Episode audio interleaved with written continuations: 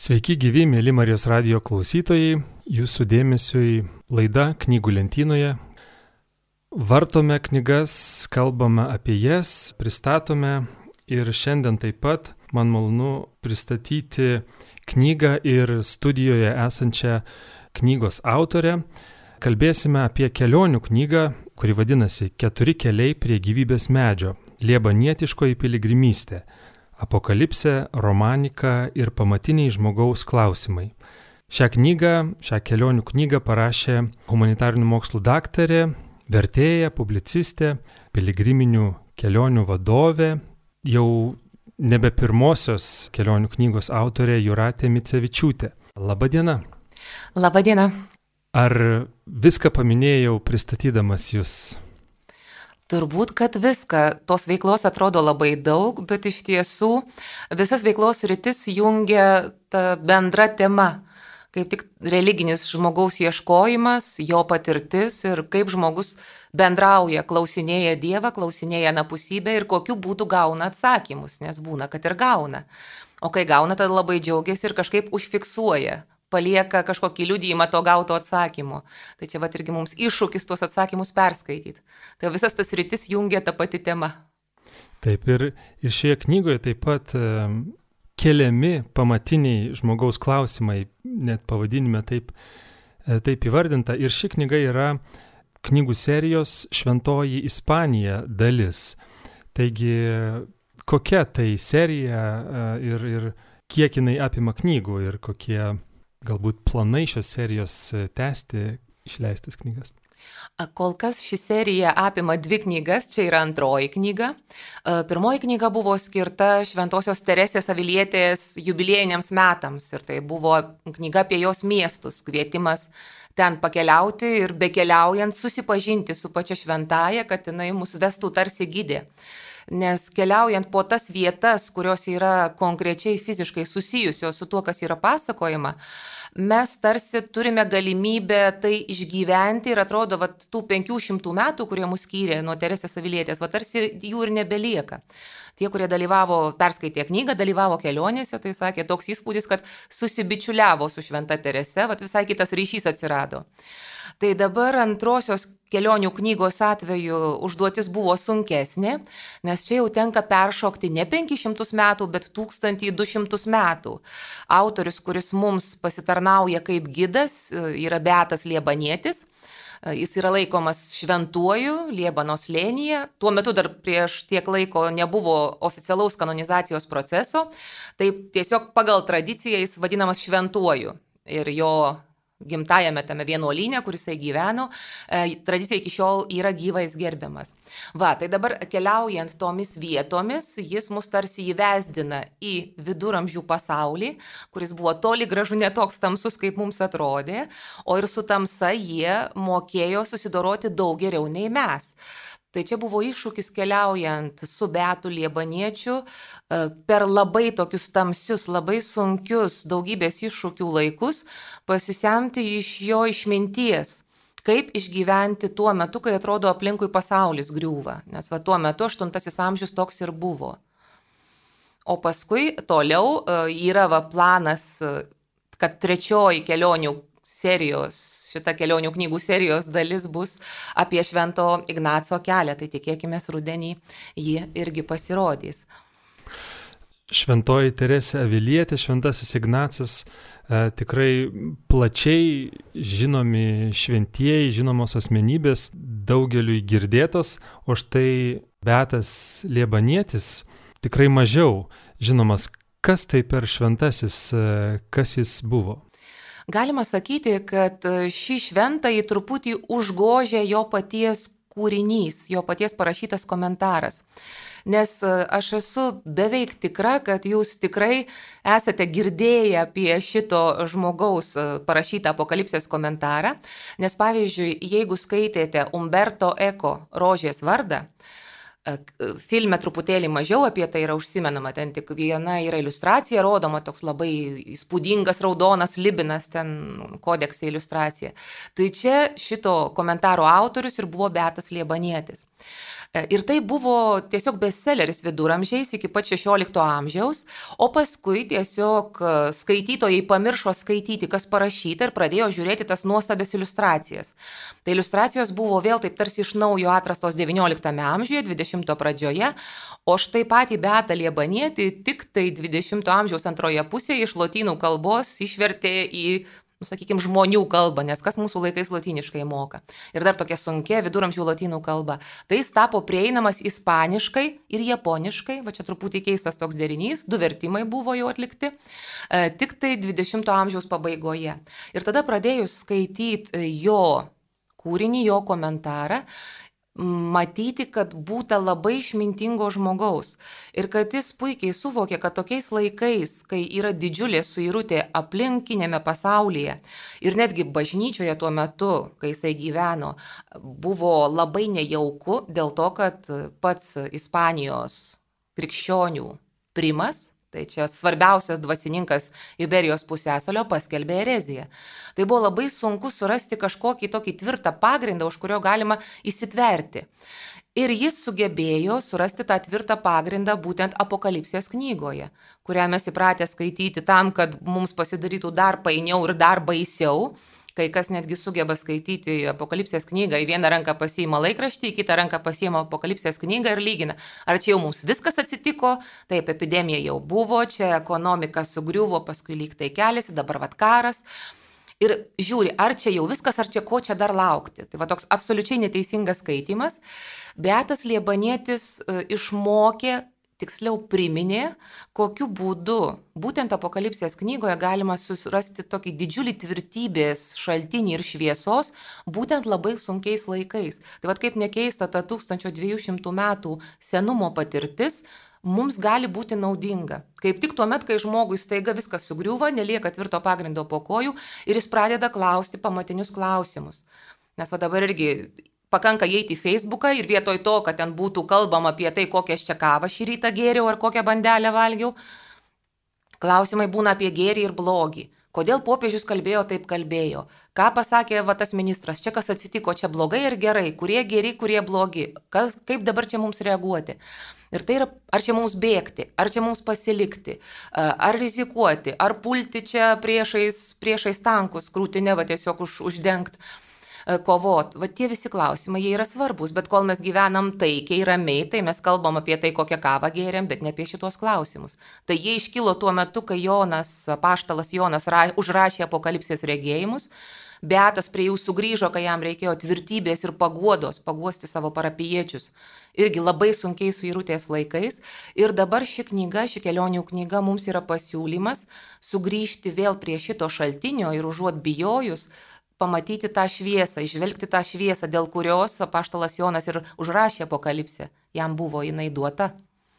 Iš tikrųjų, vartydamas šitą knygą, ra radau tokių galbūt neįprastai skambančių e, frazių apie apo apokalipsės knygą, kad tai yra labiau ne pranašystė, o moralės vadovėlis, kad tai yra ne pasaulio sunaikinimas, o blogio sunaikinimas. Ar skaitydami šią knygą žmonės galės labiau suprasti e, apokalipsę, kuri vis tik yra taip vadinama paslaptingiausia, mažiausiai suprantama Biblijos knyga? Aš viliuosi, kad taip. Man pačiai buvo taip irgi truputį baisu prie jos artintis, bet, kaip sakoma, nebuvo kito kelio, nes čia vėlgi ta, prie knygos idėjos priejau, buvau užvesta e, paties gyvenimo, nes, kaip sakoma, galima sakyti, kad tai atsitiktinumas, bet jeigu mes tikime Dievų ir apvaizdą, tai, tai galbūt ir ne. Kad apokalipsės komentaras, populiariausias, žinomiausias visų laikų apokalipsės komentaras buvo parašytas toje pačioje vietoje, tame pačiame vienuolyne, kur yra saugoma iš tiesų svarbiausia Kristaus kryžiaus relikvija. Didžiausias gabalas, gerbiamas kaip tik e, tame vienuolyne. E, ir kaip nekeista, Beatas Liebanietis, nors niekur nepamini, kad jis rašo, sakykime taip, kryžiaus medžio paunksmėje, e, jis įvesdina kryžių, sujungia su apokalipsės tema. Tai jis čia padarė tokį įdomų dalyką, kurį mes kartais pamirštame padaryti. E, nes mes, kai skaitome kažkokius dvasinius kūrinius arba ten, pavyzdžiui, mora, apie moralę kažkokias knygas, straipsnius, tai mes pamirštame, kad e, šitas fizinis pasaulis, e, kuriame mes gyvename, kiekvieną dieną judame, kvepuojame, valgome, miegame, susitinkame su kitais žmonėmis, kad jis savotiškai irgi veikia kaip knyga. Viduramžiais buvo tikima ir galbūt mums reikėtų šitą tikėjimą prisiminti, kad Dievas iš tiesų parašė ne vieną šventraštį, įkvėpė ne vieną šventraštį, bet du, nes dar prieš e, įkvėpdamas Biblijos autorius Dievas sukūrė pasaulį. Ir pasaulis, fizinis pasaulis gali veikti kaip e, žinia mums. Reiškia, gyvename savo kasdienį gyvenimą ir tai, kas mums atsitinka, tai, ką mes sutinkame fiziškai, į tai, ką mes atsitrenkėme, tai gali suveikti kaip e, Dievo iššūkis, kad jis mums kažką sako. Ir vad Betui, kuris gyveno tame pačiame vienuolynė, kur buvo kryžiaus relikvija ir skaitė apokalipsę, jisai šitos du dalykus sudėjo į krūvą. Jeigu skaitysite apokalipsę, jūs nustepsite, nes e, ten nie karto nėra minimas kryžius. Labai keista. E, ir apskritai Naujojo testamento autoriai, išskyrus Šventą Paulių, labai nemėgo minėti kryžiaus. Ir tai galima suprasti, jiems tai buvo per daug šviežia ir tuo metu tai dar buvo tokia labai gėdinga bausmė. Čia būtų galbūt vat, kažkas panašaus, jeigu dabar mes pradėtume bet, sakykime, kažkoks šventasis, čia tik pavyzdys, ne, neišimkite iš konteksto, sakykime, kažkokį tai va tokį gerą žmogų e, pakorė ir štai mes dabar visi pradedam nešiotis ant kaklo kartuvių, reiškia kažkokį tai tokį atvaizdėlį ten, visur mes jį čia piešiam ir taip toliau. Būtų buvę lygiai tas pats tais laikais pirmame amžiuje. Tai šventas Paulius asmeniškai gyvo Kristaus nepažinojo, tik paskui jam apsireiškė jau prisikėlęs Kristus. E, tai jam gal kryžius nebuvo toks skaudus, bet apaštalas Jonas, jisgi buvo mylimasis Kristaus mokinys. Kaip jis galėjo va tą e, skausmo medį dabar apokalipsiai minėti? Jis jo tiesiog neminėjo. Ir štai tada jau po 800 metų ateina Beatas ir apmasto, e, kokiu būdu tai gali būti susiję. Ir kad apokalipsės tie tokie paslaptingi vaizdiniai, iš tiesų jie atsirakina kaip raktu būtent per kryžiaus lėpinį. Dabar kokiu būdu, va jūs kaip paminėjote, kad apokalipsė veikia ne kaip reportažas paskutinių dienų, bet kaip moralės vadovėlis. Tai va kokiu būdu kryžius atrakina šitą, e, šitą paslaptingą knygą. Čia va truputėlį kaip pavyzdys tai, ką, tai, ką bandžiau daryti knygoje, tai linkiu, kad ir jums tai pasisektų e, tikrai buvo labai naudinga ir va dabartinėmis sąlygomis man pačiai didelis paguodos šaltinis. Va, tai dabar pavyzdys. Reiškia, e, yra vienas iš dalykų, kuriuos mums sunku priimti, tai kad e, Dievas mums nepažadėjo ramybės šiame pasaulyje. Ir kad iš tiesų šis pasaulis yra kova ir bus kova iki paskutinės akimirkos. Tai jeigu dabar jūs tuo abejojate, ką sakau, tai atsiverskite katekizmo 409 skyrelį. Tai čia sako lygiai tą patį, ką Beatas pasakė prieš 800 metų sako, kad ši dramatiška viso pasaulio, kuris yra piktojo pavergtas būsena, žmogaus gyvenimą paverčia kova. Ji truks, kaip sako viešpats, iki paskutinės dienos. Įtrauktas į šią kovą žmogus turi nuolat grumtis, kad, kad laikytųsi gėrio. Čia mums toks priminimas kad tai, ką mums žada reklamos, gerą ramų gyvenimą, kad iš tieso to nebus. Bet jeigu mes nesitikime, kad tai bus ir kad mus, mūsų rytoj laukia aukso kalnai, tai mes šiandien tų kalnų nematydami mes nenusivelėme. Tai gal taip ir geriau. Ir va tokiame pasaulyje, kuris yra kova, kuris nėra ramybė, mums reikia tiesiog kiekvieną dieną laikytis gėrio. Ir tas gėrio kompasas yra būtent kryžius, tas skausmo nevengimas, kovos nevengimas. Nes po skausmo ir kovos, jeigu tai yra teisingai nukreipta kova, mūsų laukia atpildas, mūsų laukia pergalė. Ir būtent apokalipsė kalba apie pergalę, štai kas yra svarbiausia. Nes dabar jūs sakysite, o kaip dabar teisingai pasirinkti kryptį? Tai tam reikia ateitį žinoti. Ir va tada mes atsiverčiame apokalipsę, kuri kartais netgi yra vadinama penktąją evangeliją, prisikėlusio Kristaus evangeliją. Ir ten pasakyta tai, ko dar nežinojo su Kristumi vaikščioje paštalai kas bus po jo prisikėlimo, kas laukia pasaulio, kad mes pasi, žinodami, kas bus rytoj, teisingai pasirinktume šiandien. Ir dėl to Beatas Liebanėtis taip labai išmintingai sako, sako, jūs neklauskite, kodėl vat, mums taip vyksta. Nu viešpatė, nu kodėl tas karas, nu kodėl ta pandemija, nu ką mes padarėm, nu ką mes čia prisidirbom. Čia yra neteisingas klausimas. Kodėl Dievas mus baudžia? Va čia labai irgi populiarus klausimas. Facebooką pasižiūriu, tai čia va kaip tik atsitinka kažkas baisaus. Kodėl Dievas baudžia vad gynėjus, ukrainiečius, kodėl tai baudžia? Betas sako, klauskite kam, kokiam tikslui. Nes tai yra Dievo pedagogika, jis kaip tėvas, mylintis tėvas, veda mus į pergalę tokiu būdu. Bet mes turime kiekvieną dieną žengti dar vieną žingsnelį ir dar vieną žingsnelį. Tai va tokiu būdu kartu veikia apokalipsė ir kryžius. Jie turi būti skaitomi kartu. Skaitomi čia kabutėse sakau. Tikrai įdomios, gilios e, temos, e, tai ką mes jau spėjom dabar pakalbėti, bet vis tik ši knyga yra kelionių knyga. Kokiu būdu jinai yra kelionių knyga? Galima skaityti ją ir, ir tikrai gilinti savo supratimą ir apie kryžių, ir apie apokalipsę, bet ši knyga skatina keliauti ir kodėl e, per keliavimą galima geriau į tuos klausimus atsakyti ir galbūt tuos klausimus kelti ir kodėl būtent per kelionių knygą ir kaip ši knyga tampa kelionių knyga.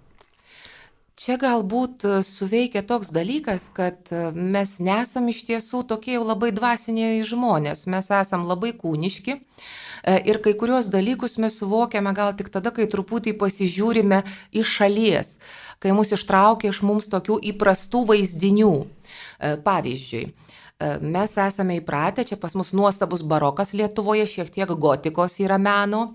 Ir mes esame įpratę matyti Kristų nukryžiuotą. Ir kartais tokį tikrai labai kenčiantis kūnas, labai sudarkytas, mes matome didžiulę kančią, mes matome didžiulį skausmą, o apie prisikėlimą mes kartais pamirštame kad e, visą laiką mirtyje jau slypi ir prisikėlimas, jeigu mes gyvename Kristaus pažadu. Ir kai mes išvažiuojame į tokį kraštą, kur dar tebe saugomi, dar tebe kabo bažnyčiose ankstesnės epochos, tai čia kalbu apie romaniką, romanikos meną, mes čia kalbam apie 10-12 amžių maždaug, tų laikų kūriniai Mes matome nukryžiuotąjį, kuris yra vaizduojamas su karūna ant galvos, toks labai ramus, kartais net besišypsantis, plačiai atvertomis akimis. Ir štai mes stovime priešais nukryžiuotąjį, o jis nuo kryžiaus žvelgia tokiam juodom, iš gagato darydavo akis, toks tiesiog kaip varnos sparnas, toks labai įspūdingas akmuo. Ir jisai žvelgia tom juodom skvarbiom akim. Ir uh, tai, ką mes išmokom iš katekizmo, kad Jėzus gyvas, kad jis nugalėjo, mes tą staiga pamatom priešai save, štai jisai žiūri su karūna ant galvos ir šypsosi nuo kryžiaus. Tai va tas netgi e, susitikimas kitokio meno, kitokios išraiškos priemonės mums kartais padeda suvokti, ką mes teoriškai jau žinom iš katekizmo iš tų pirmosios komunijos pamokėlių, vad kai ruošiamės. Bet esame pamiršę, e, nes mūsų menas, tai kas mūsų supa, vaizdai, vaizdiniai, kuriuos, kurie mūsų supa, mums byloja truputį kitą dalyką. Tai dėl to kartais būna labai gerai atsitraukti nuo mums įprastos tradicijos ir pasižiūrėti iš šono. E, ir vienas iš šitos knygos tikslų, apskritai šitos kelionių knygų serijos tikslų, yra mus, e, mums priminti, kad tie simboliai, prie kurių mes esam pripratę, krikščioniški simboliai, kad juos reikia skaityti ir juos reikia vartoti, čia dabar kabutėse sakau, vartoti praktiškai kad tai, yra, kad tai nėra tiesiog tuščios formulės, bet mes turime iš jų pasisemti pamokymų šios, šios dienos gyvenimui. Va čia irgi vienas iš tokių pavyzdžių knygoje yra aprašomi, kodėl jinai vadinasi keturi keliai. Tai būtent dėl to, kad iki tos kryžiaus relikvijos vienuolyno galima ateiti iš keturių pusių. Reiškia, susidaro toks kaip irgi gražus simbolis, nes keturi yra sukurtojo pasaulio simbolis. Mes irgi sakom, keturios pasaulio pusės, keturi vėjai. E, tai reiškia, kad tiesiog iš kiekvieno taško, kur žmogus tik yra šitame pasaulyje, jis gali atsisukti veidų į kryžių ir eiti teisinga kryptimi. Ir dabar e, čia jau buvo mano toks truputėlį sumanimas, nežinau, kiek jis pavyko, čia jau jums reikės įvertinti, kad aš kiekvieną iš šitų keturių kelių susijęjau su vienu simboliu. Nes apokalipsėje yra daug simbolių, parinkau keturis, kurie taip gal daugiausiai kartojasi, gal atrodo reikšmingiausi, tokioje va situacijoje kaip e, griūvantis pasaulis, tie sunkus laikai. Ir tie simboliai yra jūra, nes vienas kelias vingiuoja palei jūrą, kitas kelias eina per kalnus, tai kalnai yra kova, šis pasaulis yra kova, jūra yra šio pasaulio simbolis. Ir mes dabar, pavyzdžiui, irgi tai labai jaučiame. Galime eiti palei jūrą ir apmastyti, štai na tokia graži lygi, nei bangelės. Ir pasaulis toks ir buvo kurį laiką, kad mes čia prisigalvojom problemų, kad čia raukšlės kažkur net ten žili plaukai, ar ten e, pirštelį skauda. Tai iš tiesų, tai mes gyvenom labai ramiai iki šitos visos baisios suirutės, iki pandemijos, iki, iki karo. Dabar vat, pasidarė iš tiesų baisu ir man jau vienas žmogus sakė, va pagyvenom gerai ir nesupratom, skūsdavomės viskuo. Tai va, tai čia buvo ta rami jūra. Ir staiga jūroje kyla audra. Ir ta krištolinė nuostabi jūra staiga pasišiaušia ir tampa grėsminga ir grasina mus nuskandinti. Tai va čia yra mūsų šio gyvenimo simbolis. Ir Beatas irgi primena, kad apokalipsiai, pavyzdžiui, rašo, kad ten Kristus, kai ateina, jūra atiduoda savo numirėlius. Sako, tai čia tie, kurie buvo materialiniuose dalykuose paskendę, tai jie buvo kaip ir numirę, šitą jūrą gyvenimo jos buvo prarijusi. Tai vad Kristui atėjus, jie turi prisikelti irgi tam tikrą prasme. Tai čia vienas kelias - jūra, šis gyvenimas. Kitas kelias - kova. Tai čia kaip jau e, minėjau, apie kovą jau kalbėjau. E, Trečias kelias eina per tokį labai įdomų plokštikalnės regioną, kur atrodo, va tai eini tokia lygia, lygia visiškai lyguma ir staiga matai, kad toks tarsi tarpeklis atsiveria vos ne po kojų, taip nustebina. Ir ten slėnis. E, ten olos visokiausios sodai žydį, kaimeliai įsispraudė į tą tarpeklį ir ten gyvendavo daug atsiskyrėlių, vad beato laikais. Tai reiškia, e, šituo keliu einant siūlau susimastyti apie prieglopstį. Nes viena iš svarbių temų apokalipsė, jeigu paskaitysite, yra tie, kurie bėga, žmonės, kurie yra pabėgėliai. Pabėgimas, slėpimosi, prieglopščio, saugaus prieglopščio ieškojimo tema. E, ir iliustracijos, kurias pasiūlau, irgi labai įdomios, pavartysite, pamatysite, kad knyga yra gausiai iliustruota. E, ir va šita prieglopščio tema mums primena svarbų dalyką, e, kad numatyti tą saugų prieglopstį mes galime jau dabar pradėti statyti ir tai yra ne tik rūsį po namu aprūpinti vandeniu, atsargomis ir panašiai. Tai yra truputį kitas dalykas. Jeigu prisimenate, Mato Evangelijoje yra tokie e, žodžiai, toks palyginimas apie namą, kuris buvo pastatytas ant uolos. Prapliupo liūtys, ištvino upės, pakilo vėjas ir daužėsi į tą namą, tačiau jis nesugriuvo, nes buvo pastatytas ant uolos. Čia mato 7 skyrius, 24-25 eilutė. Tai va čia Beatas, skaitydamas va šitokias eilutes, jis iš karto komentuoja, kad mes neturime apokalipsės arba netgi ir laikraščių pranešimų žiūrėti taip tarsi, va, laukt, kada čia prapliups, prapliups tos liūtys ir prasidės audra. Ne, ne, mes turime pasirūpinti anksčiau prieglauščių. Nes jeigu mes taiga matome, oi rytoj lis, tai čia nėra laikas pradėti statyti namą, namą reikėjo anksčiau ant uolos, o ne ant smėlio pasistatyti. Jūs pagalvokit apie Nojų, pavyzdžiui, vad Nojaus arką. Staiga, gražus oras, šviečia saulė, plyna lyguma sausa ir kažkoks jūsų kaimynas vad savo sklypę pradeda statyti milžinišką laivą. Nu pasukiotumėt prie smilkinio pirštą, nukvailas ir dviejus metus, man atrodo, nepamenu Biblijoje ten pasiskaitykit, kiek ten laiko jisai tą laivą statė ir tiek laiko turbūt kaimynai jį badė pirštais. O tada staiga prapliupo liūtys, jis jau buvo pasistatęs laivą, kiti ne. Tai čia yra skirtumas. Betas sako, prieglobstį statykite jau dabar, kiekvieną dieną. Kiekvieną dieną yra svarbu, kad mes neskaitytume orų prognozę, ar čia jau ta katastrofa ateina, bet uh, tvirtintume savo tą pamatą po kojų. Tai čia yra tas trečias kelias - prieglopščio ieškojimas. Ir ketvirtas kelias eina tokia teritorija, kur anksčiau e, buvo labai populiari, va, tarp kelių karalysčių ten ėjo toks kaip kelias ir piligrimų kelias Švento Jokūbo, ten į, į Santiago de Compostela. Ta teritorija ėjo. Tai tuo keliu einant, e, pasiūlymas yra apmastyti teismo temą. Jis irgi yra svarbi. Teismas tai yra va, tas įvertinimas mūsų gyvenimo, būtent nelaukti paskutinio teismo, bet jau šiandien čia ir dabar pasitikrinti, ar mes tikrai einam teisinga kryptimi. Reiškia, paskutinis teismas, mums kiekviena akimirka gali būti paskutinė, tai kiekvieną kartą, kai vertinam savo kelią, gyvenimo kelią, savo pasirinkimus, tai yra tas mūsų teismas. Tai va, einant tais keturiais keliais, apmastyti e, šitas keturias temas yra pasiūlymas. E, ir padaryti savo išvadas. Nors čia viskas labai abstrakčiai skamba, bet iš tiesų tai yra labai pritaikoma mūsų gyvenimui. Ir dabar šitais keturiais keliais, kodėl tai yra kelionių knyga ir kaip jinai veikia. Jais galima eiti arba vaizduotę, Tai čia labai paprasta. Jūs atsiverčiate knygą, pasižiūrite, e, kokia yra tema, pasižiūrit pavadinimus, aš juos visus taip labai kruopšiai originalo kalba surašiau, tada į Google įsivedat pavadinimą ir jūs gaunat krūvą vaizdų, krūvą informacijos. Tai čia netgi nuo sofos neatsikėlus galima šitais keliais nueiti ir tiesiog įžengti į tą mūsų protėvių mums paliktą išminties palikimą, per pasinaudojant interneto jūrą. Čia yra galimybė mums nepaskesti šitoje jūroje. Arba galima paimti, ten bus, pamatysit, tokia maža knygutė, praktinis gydas, čia dovana skaitytojui, jinai yra įdėta į pagrindinę knygą, e, ten tokia sausesnė informacija, bet aš irgi stengiausi tokias daugiau anegdotinės situacijas pasakoti, nu, kad būtų jums įdomu. Tai ta knygutė gali praversti irgi naršant internete, nes jūs gali tą istoriją plačiau sužinoti, su detalėm, pasižiūrėti iliustracijas susijusias, nes viskas tiesiog netilpo, ten didžiulis lobynas yra išminties.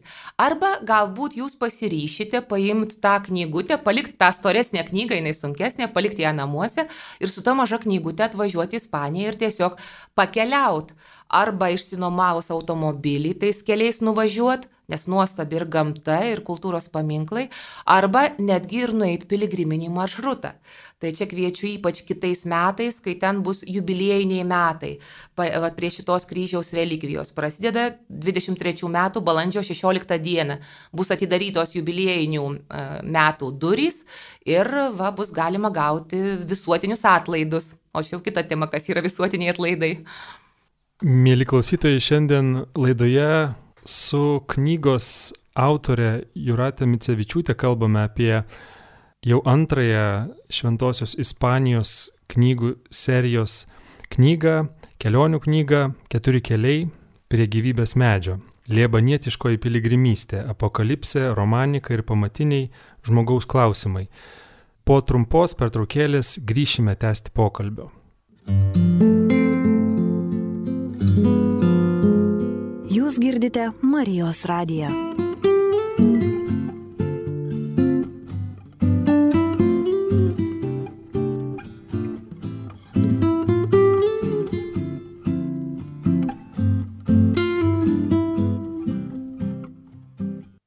Keturi keliai prie gyvybės medžio - liebanietiškoji piligrimystė.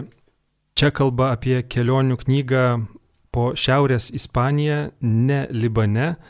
Beatas Liebanietis. E, Liebanas yra vietovė Šiaurės Ispanijoje, miestas. Tai yra slėnis. E, Liebana yra toks nedidelis slėnis e, ir labai įdomi vieta, vos už 40 km nuo jūros pakrantės, nuo Atlanto pakrantės, bet iš visų pusių aptverta tokia neprieinama kalnų siena tarsi.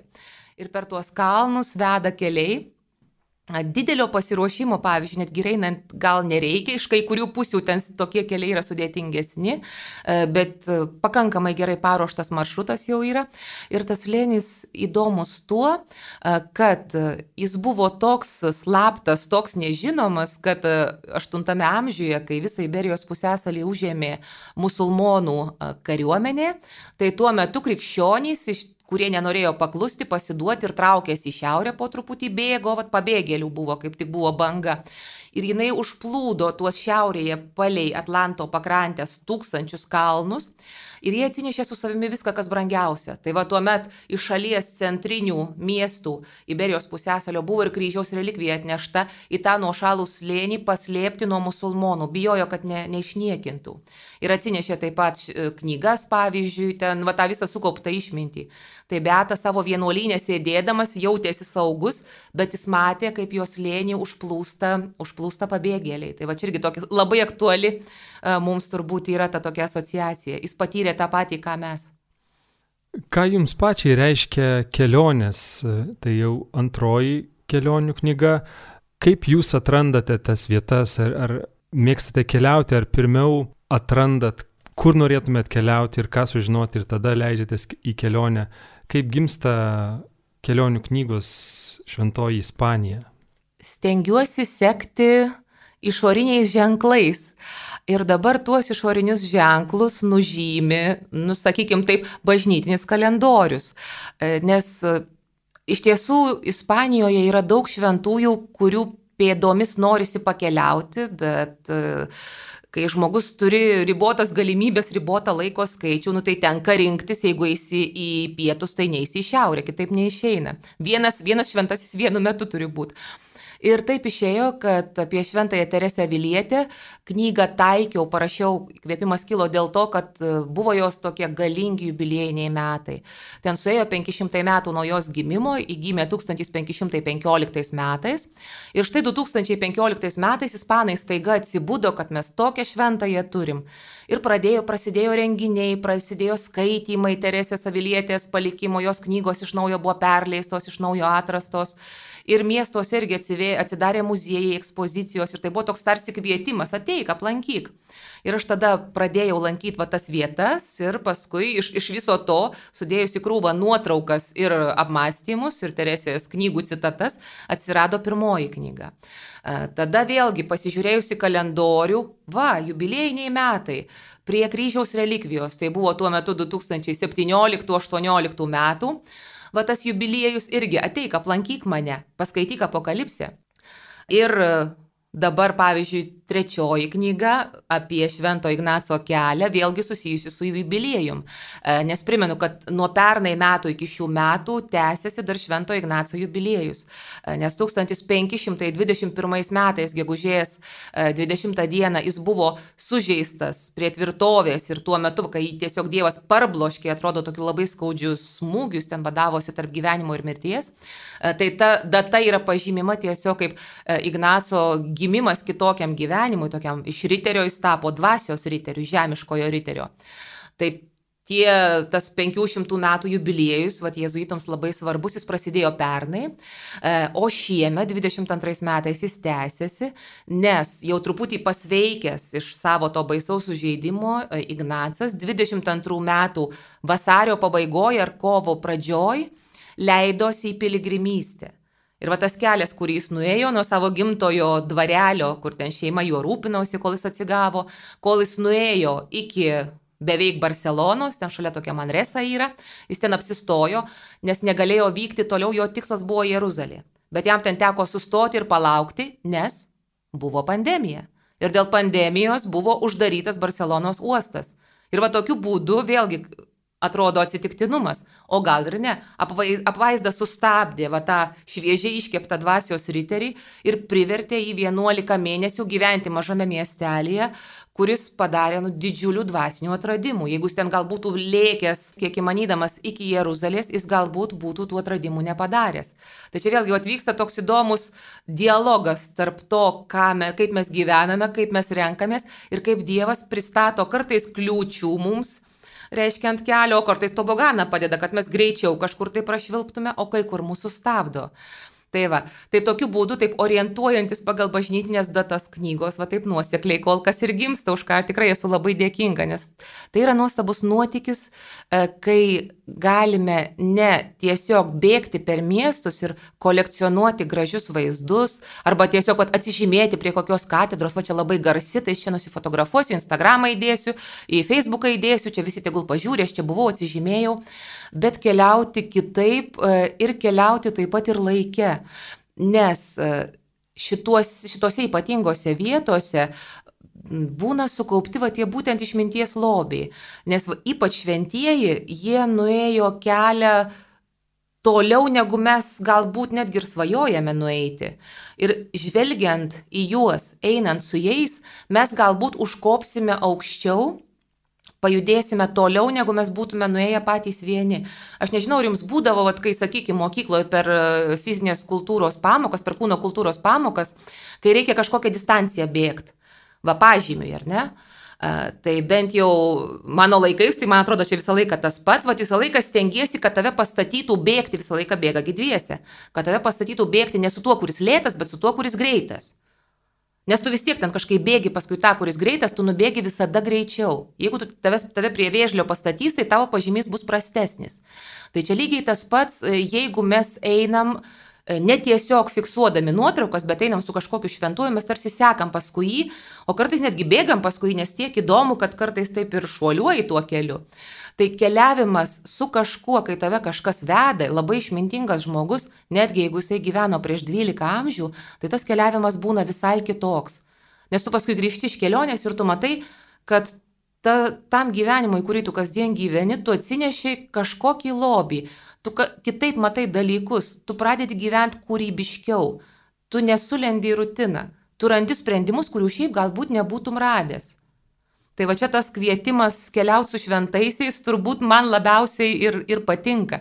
Tai dėl to man pačiai labai tai pasiteisino, tai kviečiu, kviečiu stengiuosi kviesti kitus išbandyti, o kai, kaip gydė, kai, kai lydžiu grupės piligrimų, tai dar ir nuvedu. Bet vėlgi labai įdomus dalykas, daž, labai dažnai būna, va, dėl ko nustembu, žmonės eina tuo pačiu keliu, kurį aš praėjau, aš ten bandau dalintis, kas ten man svarbu buvo, ką ten paliko, kokias gairias paliko tas šventasis, su kuriuo mes keliaujam. Ir staiga žmonės pasako, kad jiems prakalbo visiškai kitas dalykas. Vat vėlgi, kas yra įdomu. Dievas kalbino tą šventąjį, kuris ten prieš kelišimtus, keliolika šimtų metų nuėjo tą kelią. E, Dievas kalbino e, mane, o dabar visiškai kitaip kalbina tą žmogų. Netgi galbūt mes nesuvokiam, kad mus kalbina, bet mes į kažką atsiliepiam. Kol mes sėdim namuose tą savo įprastoje aplinkoje, mes labai automatiškai gyvenam. Kai mes išeinam į kelią ir jaučiamės mažiau saugus, mes daug atviresnėjam akim ir ausim, tai pastatę ausis gyvenam, išplėtę akis, einam keliu. Tai čia irgi yra labai gera patirtis, va ta budrumo tokio kelyje. Vasara metas, kai daugelis žmonių planuojasi keliones, galbūt ir piligriminės keliones. Ar jūs kaip nors rekomenduojate pasiruošti, jeigu nuspręstų va štai šiais keturiais keliais ar vienu iš šių keturių kelių aprašytų knygoje keliauti?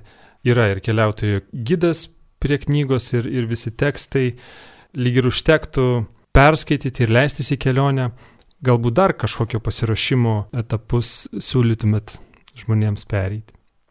Šita knyga galbūt veikia daugiau, bent jau aš norėčiau, kad jinai taip veiktų, čia jūs pasakysite, ar, ar pavyko tą sumanimą įgyvendinti, kad jinai veiktų toks kaip paskatinantis pavyzdys. Reiškia, toks kvietimas pasižiūrėti, kokiu būdu senasis benediktinas Betas Liebanietis perskaitė apokalipsę ir surado savo atsakymus baisę valandą ir galbūt leistis į kelią arba vaizduotę, arba ir fiziškai, bet susiformulavus, sugalvojus savo kažkokį klausimą, vat, į kokį klausimą aš noriu gauti atsakymą, kas man šiuo metu skaudžiausia, kas vat, yra užstrigę gyvenime. Ir tiesiog su tuo klausimu keliauti šį kelią pasinaudota galimybė, kad mes tikrai atkeliaudami esam daug budresni ir galbūt mes tą atsakymą gausime. Ir šiaip tai sako, vad kodėl Beto Liebaniečio tas komentaras buvo toks populiarus. Net aštuonis amžius. Čia Umberto Eko taip įdomiai pakomentavo, sako, jis gal dėl to, kad atrodo labai abstraktus. Bet ką reiškia abstraktus? Vat nėra konkrečių pavyzdžių, bet tas nesako, čia aš pasakoju vat, jums apie bėgimą mokykloje ir panašiai, tai jis tokių dalykų nedaro. Jisai kalba taip abstrakčius, duoda išmintingus patarimus, bet Umberto Eko e, taip išmintingai ir sako, sako, kai viskas yra išreiškiama taip truputį atitrauktai nuo tikrovės, tai mes galim paimti tą patarimą ir užklotant mūsų konkrečios tikrovės ir galbūt mes kažką pamatysim tada. Jie yra geriau pritaikomi tie patarimai atrodo abstraktus, bet jeigu mes pabandom išsiversti savo kalbą į savo kasdienybės kalbą, jie gali suveikti. Tai galbūt ir skaitant knygą, ir paskui keliaujant, gal reikėtų tiesiog turėti vat, kažkokį savo skaudų klausimą, svarbų klausimą susiformulavus. Tai čia būtų toks pasiūlymas ir rekomendacija pasiruošimui, jeigu keliausite, ką tikrai kviečiu pat atlikti atlikti kelionę, pasižiūrėkite internete, nes nuotraukų yra daug knygoje, bet jos galbūt ne visos detalės matosi. Panaršykite, pasižiūrėsite, kokios bylojančios vietos iš tiesų ne tik kultūros paminklai, bet ir pati gamta kalba šitame maršrute. Ta pirmoji Dievo parašyta knyga - pasaulis, kurį jisai sukūrė. Taip, mėly Marijos radio klausytojai, šiandien laidoje pristatėme kelionių knygą Keturi keliai prie gyvybės medžio, Liebanietiškoji piligrimystė apokalipsė, romanika ir pamatiniai žmogaus klausimai. Kelionių knyga po Šiaurės Ispaniją. Labai malonu buvo kalbėti su jos autore Juratė Micevičiūtė. Šią knygą išleido 8 diena, leidikla 8 diena, taigi, mėly klausytojai, kurie susidomėjot, e, galite susirasti šią knygą ir planuoti kelionę, piligriminę kelionę į Šiaurės Ispaniją. Dar trumpai laidai visai baigiantis, Juratė Ar yra kokiu nors dar, jau paminėjote apie trečią suplanuotą serijos Šventoji Ispanija knygą, ar turite planuose dar daugiau? Tai bažnyčios kalendorius, kaip sakoma, nesnaudžia, juda toliau. E, ir kita su Ispanija susijusi tokia svarbi data, tai yra kryžiaus Jono, Šventojo kryžiaus Jono kanonizacijos jubiliejus. Tai čia bus 26 metai. Tai jeigu Dievas norės, tai bus galbūt ketvirta kelionių knyga. Ačiū labai, mėly klausytojai. Atsisveikiname su jumis. Ačiū Jums, Juratė, už dalyvavimą šioje laidoje ir iki kitų kartų. Sudie. Sudie, ačiū.